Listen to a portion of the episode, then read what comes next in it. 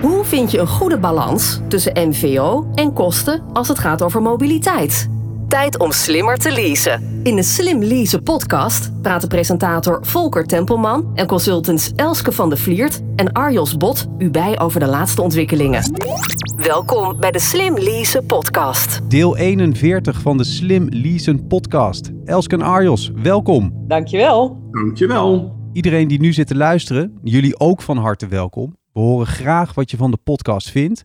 Als je wilt reageren, dan kan dat heel makkelijk op LinkedIn. Laat van je horen en tag ons in je bericht. Ons centrale thema is Nederlands mobiliteitsbeleid. In deze podcast specifiek hoe verduurzaamt Capgemini zakelijke mobiliteit. Speciale gast daarbij is Laurens Den Breems, Fleet Manager Capgemini Nederland. Welkom Laurens. Dankjewel. Goed dat je erbij bent. Zeker. Capgemini is natuurlijk een superbekend consultancybedrijf. Wat doet Capgemini eigenlijk precies?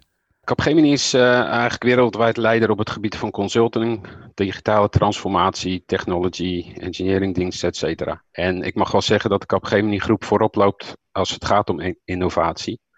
Met um, nou, 270.000 medewerkers in 50 landen hebben we best wat uh, informatie en uh, met name consultancy ook uh, te doen. Onder andere begeven ons ook in de automotive sector, telecom, banken, gezondheid, distributie, transport. Eigenlijk het hele palet bedienen wij. Dat is toch een serieuze scope. Er wordt er heel veel gedaan volgens mij door uh, Capgemini. Zeker als je 270.000 medewerkers hebt. Dat is echt fors. Laurens, thema van deze podcast is hoe verduurzaamt Capgemini zakelijke mobiliteit? Jullie hebben uh, meer dan uh, 3.500 auto's in de fleet.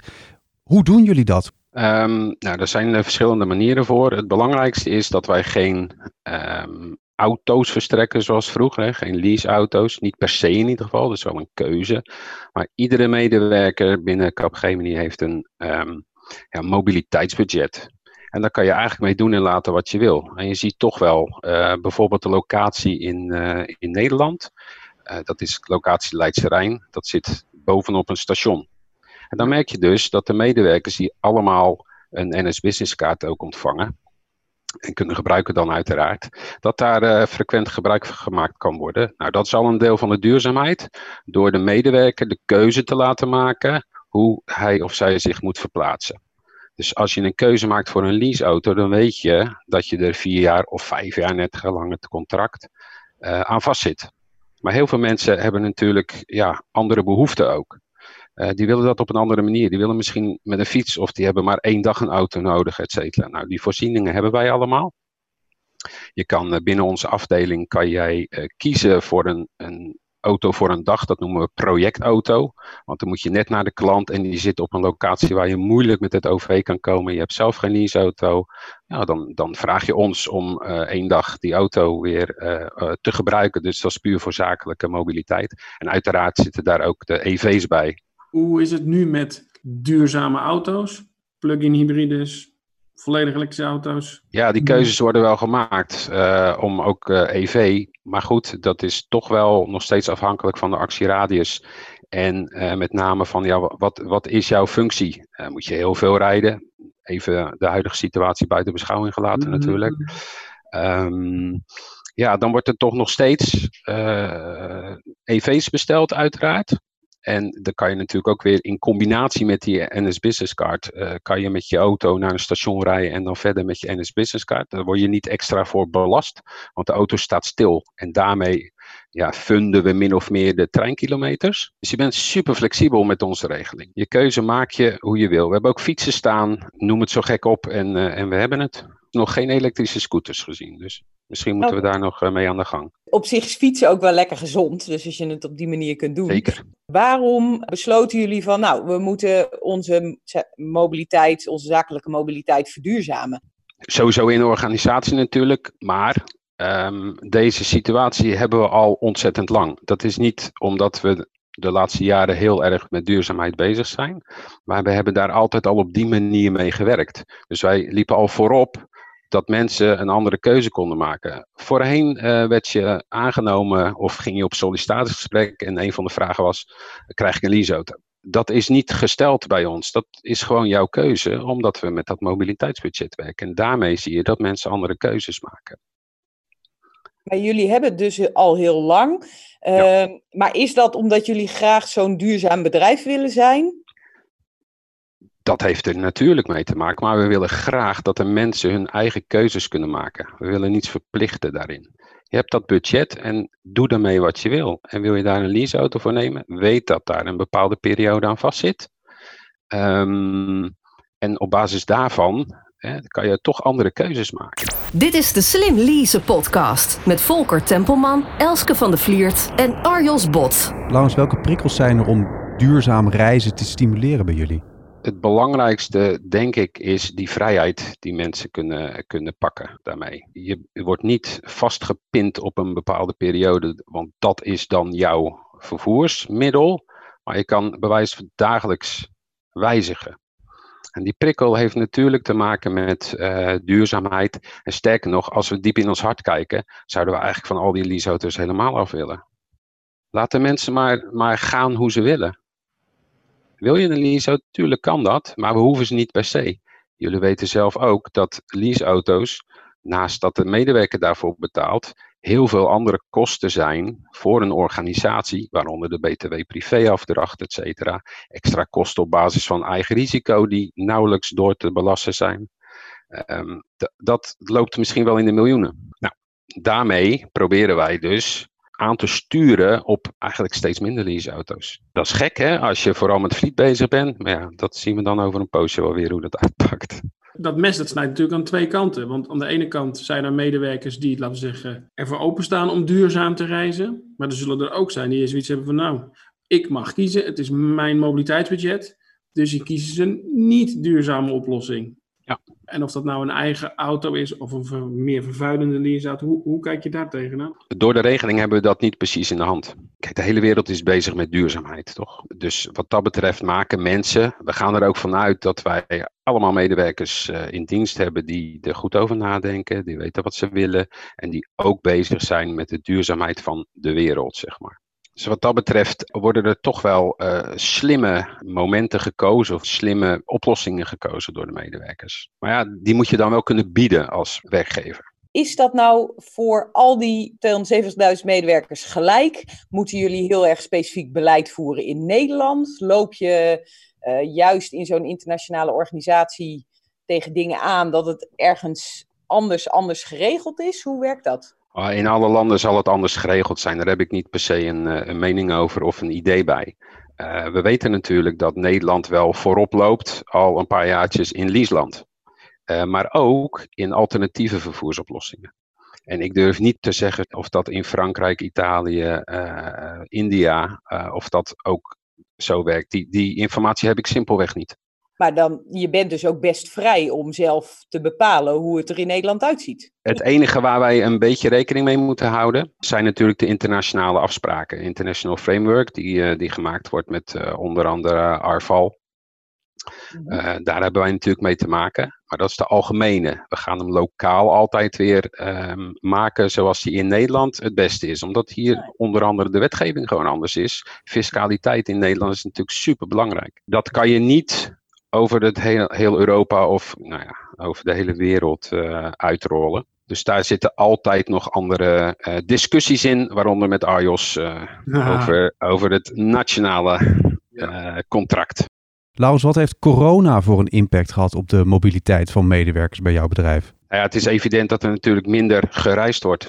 Maar voor de medewerkers op zich, ja, wat we niet doen, is dat die medewerkers zeggen, ja, weet je, ik lever mijn auto in. Dat kan, maar het- dat is een situatie dat ze hem sterker nog kunnen overdragen aan de medewerker die wel een auto nodig heeft. En dan ben je vrij. En dus dan kan je weer doen en laten wat je wil. Maar ehm, ja, corona op zich, natuurlijk doet dat veel. En doet het vooral eh, psychisch veel met de mens, denk ik. Omdat je in een hele andere situatie bent, eh, bent terechtgekomen. Waarbij je bijvoorbeeld je, je sociale gedrag heel erg hebt moeten aanpassen. Eh, zakelijke mobiliteit daarin, ja, minder kilometers op een andere manier wordt er gereden. Dus minder brandstofkosten, minder kilometers eh, eh, kosten. Dus met een beetje geluk krijgen we heel veel minder gereden kilometers op basis van de contract terug van Arval. En ook minder OV-kosten natuurlijk. Ja, alle vervoerskosten eigenlijk. Hè. Dat, eh, daar komt het op neer. Dus zien, zien we wel langzamerhand dat de mensen toch weer naar buiten gaan en wat meer in, naar kantoor toe gaan. goed, daar is natuurlijk ook alles goed ingeregeld en wordt gefaseerd aangewerkt. Wat is nou eigenlijk de belangrijkste les die jij hebt geleerd in al die jaren? Uitgaan van je eigen kracht. Wel een beetje luisteren naar leasemaatschappijen, maar niet altijd. Eigenwijs zijn, dan kom je in heel eind. Is dat ook je tip voor onze luisteraars? Ja, ga uit van, van datgene wat jij wil. En uiteindelijk kom je dan uh, uh, best wel tot een goed eind door. Want het is uiteraard gewoon een samenwerking die in goede harmonie moet gaan. En niet dat je aan de achterkant gestraft wordt wat je aan de voorkant hebt afgesproken. Het is gewoon uh, eerlijk, oprecht de cijfers en, en hoe je met elkaar om moet gaan. Dat, dat, ik denk dat dat het beste is. Kan je daar een voorbeeld van geven, Laurens? Waarom dat het beste is? Eh, omdat je dan weet waar je beide staat, wat de verwachtingen zijn. En met zo'n groot wagenpark moeten we dat redelijk uh, stringent nemen. En dat kunnen we ook omdat we groot zijn. Dus als we tegen Arval zeggen, ja het is leuk dat jullie dit bedacht hebben, maar wij willen toch echt anders, met een aantal redenen natuurlijk, ja dan, dan kom je wel zover. Ik kan me misschien voorstellen met een kleiner wagenpark dat je ja, dat er ook niet één iemand is die zich daar heel druk om maakt. Maar dan, dan wordt het ergens in de organisatie bij HR of iets belegd. Ja, dan krijg je de standaard overeenkomsten die doorgaans gebaseerd op, zijn op de wensen van de leasemaatschappij. Mm En in onze situatie uh, kunnen we daar niet mee omgaan, heel simpel. Zou dat zeker uh, goed vastleggen allemaal. Eerlijk en oprecht. Wat is je bedoeling en wat gaan we doen? En hoe komen we daaruit? Uh, ook met uh, meer en minder kilometers, ook met de processen, dus de, de rapportages, et cetera. Ja, je moet daar wel scherp op zijn. Heb jij nou heel duidelijk gezien dat sinds jullie dat mobiliteitsbudget hebben, dat je echt een, een, vermindering in aantal voertuigen hebt? Ik weet wel dat het aantal leaseauto's, de keuzes die men maakt voor leaseauto's, door inderdaad de flexibiliteit die je in je eigen mobiliteit kan, kan stoppen, uh, dat dat wel naar beneden gaat. Ik, ik weet nog heel lang geleden dat we bij CAP sowieso 5.000, 6.000 leaseauto's hadden. Oh. En we oh. zitten nu op 3500. Dus je ziet dat er andere keuzes worden gemaakt. Kan ook uh, komen door uh, mensen die vooral in een stad gaan wonen. En die hebben er dan ja, weinig handigheid voor een, voor een leaseauto natuurlijk. Je moet hem ergens ja. parkeren, kost een hoop geld, et cetera. Nou, en doordat wij allerlei andere vervoersmodaliteiten aanbieden en het gemak hoe je daarin kan switchen, zeg maar, mm -hmm. uh, ja, zie je toch dat mensen gaan nadenken. Leaseauto is ook gewoon duur, hè? laten we dat uh, voorop stellen. Dus ze gaan gewoon rekenen. En ik denk dat dat een hele goede const constatering is. Dit is de Slim Lease podcast. Laurens, we hebben het vandaag over uh, de vraag hoe verduurzaamt Capgemini de mobiliteit en ook wel de zakelijke mobiliteit. Kan je ons eens meenemen in de visie die jij daarbij hebt? Waar staan jullie nu en waar sta je over bijvoorbeeld vijf jaar en hoe ga je daar komen? Nou, het zal al, uh, ook te maken hebben met hoe de markt zich gaat ontwikkelen. Als we nu zien wat er gebeurt, we werken veel van huis, dat werkt, dat past. Heb ik dan nog steeds een leaseauto nodig? Um, ik denk dat dat voor veel mensen een stuk minder zal zijn. Zeker ook als je uh, inderdaad gaat rekenen wat ik zeg. Misschien kan je naar private lease gaan kijken. als je dan toch een auto wil. af en toe eens een auto huren voor vakanties of zo. Um, dus ja, die verduurzaamheid die ontwikkelt ook wel zichzelf.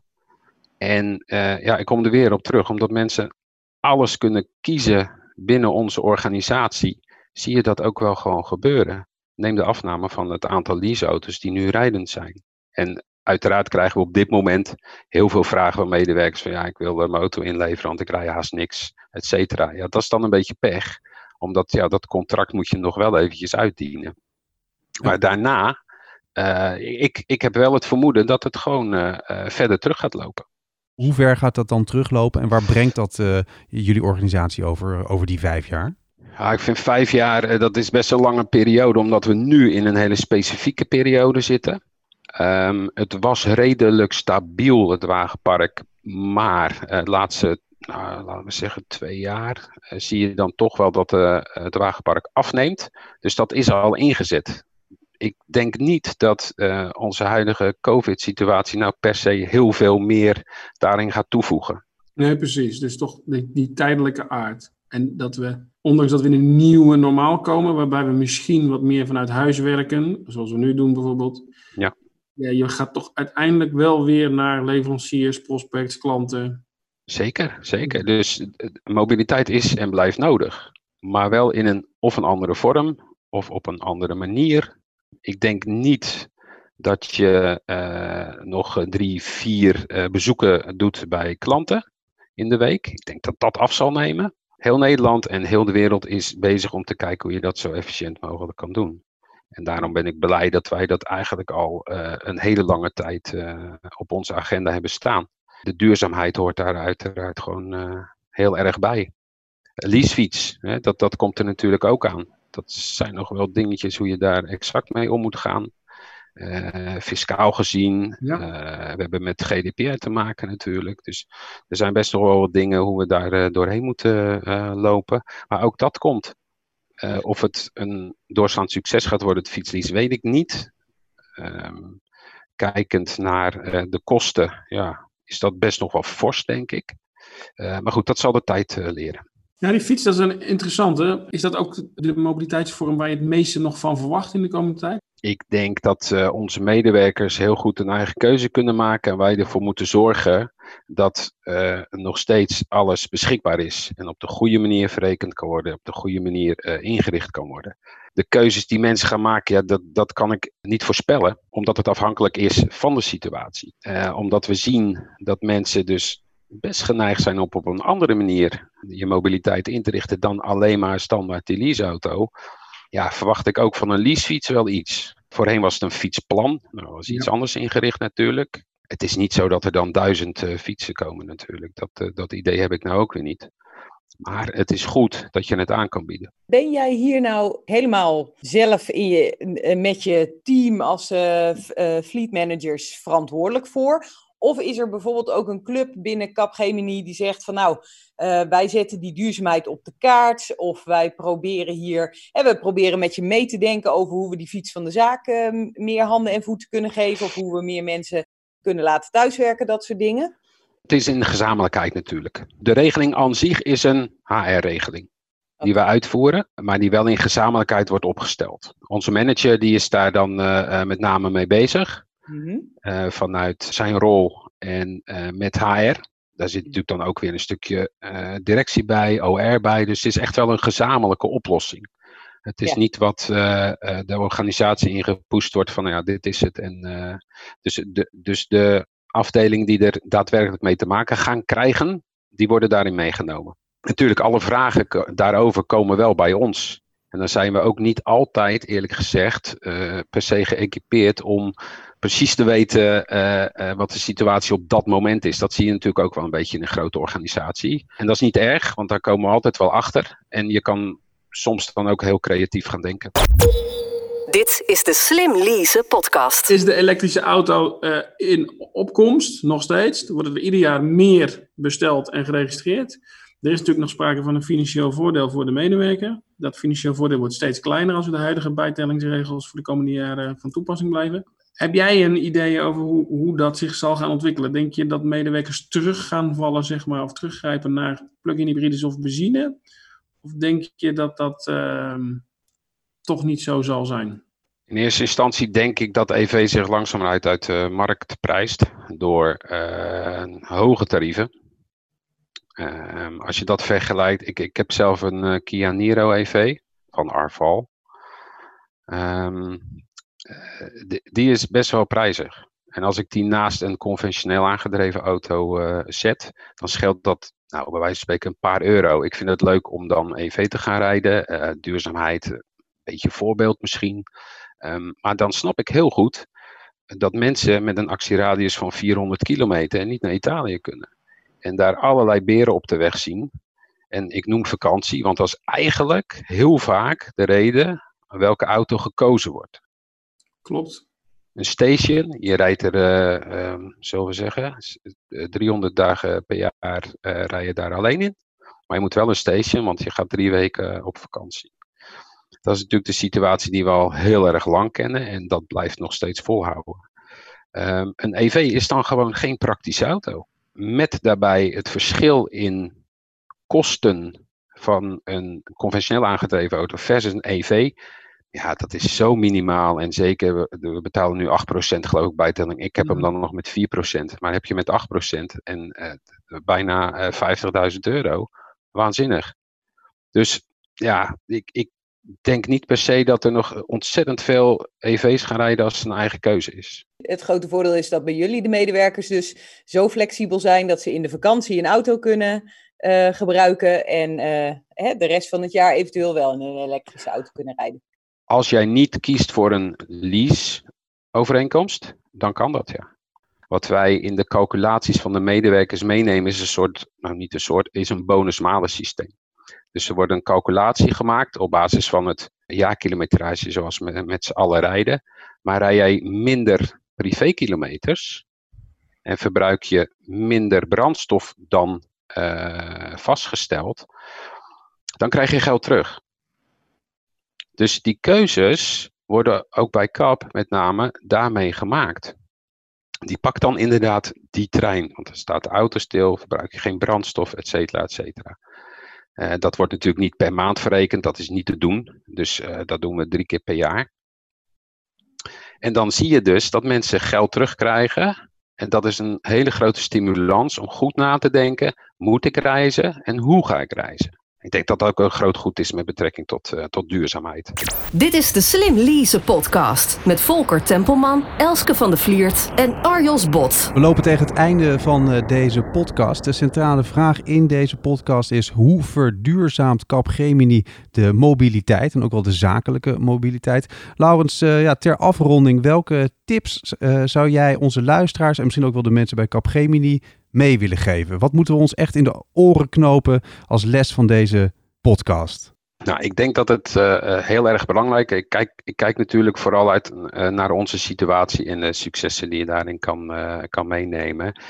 Um, vind ik dat de situatie van een mobiliteitsbudget, of hoe je dat dan ook wil, wil noemen, dat dat heel belangrijk is. Mensen willen gewoon hun eigen keuze kunnen maken. En als je dat voor elkaar hebt, dan heb je gewoon een hele grote propositie ook op het moment dat je mensen gaat aannemen. Nogmaals, voorheen riep iedereen welke leaseauto krijg ik, maar dat is helemaal niet meer de, de situatie. En ik denk dat werkgevers het op die manier moeten uh, trachten in te richten. Het is niet makkelijk. Daar, daar gaat, dat zijn echt, zijn echt heel veel hobbels aan alle kanten. Ja. Maar um, als je dat voor elkaar hebt, dan. Uh, ik denk dat je een streepje voor hebt bij andere bedrijven.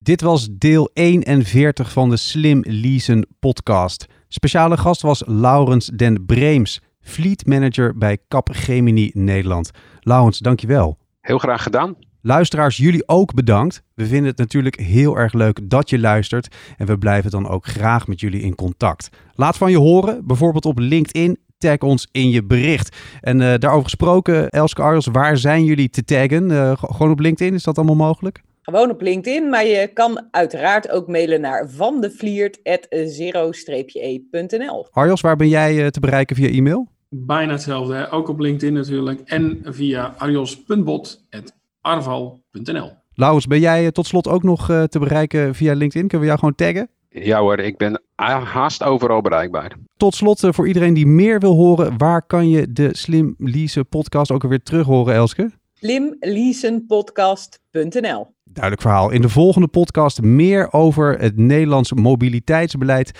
Dan is Hugo Hoepermans te gast. Hij is directeur van Anders Reizen. Tot dan. Tot zover deze aflevering van de Slim Lease podcast. Zorg dat je op de hoogte blijft van alle ontwikkelingen op het gebied van zakelijke mobiliteit. En luister ook naar de volgende aflevering.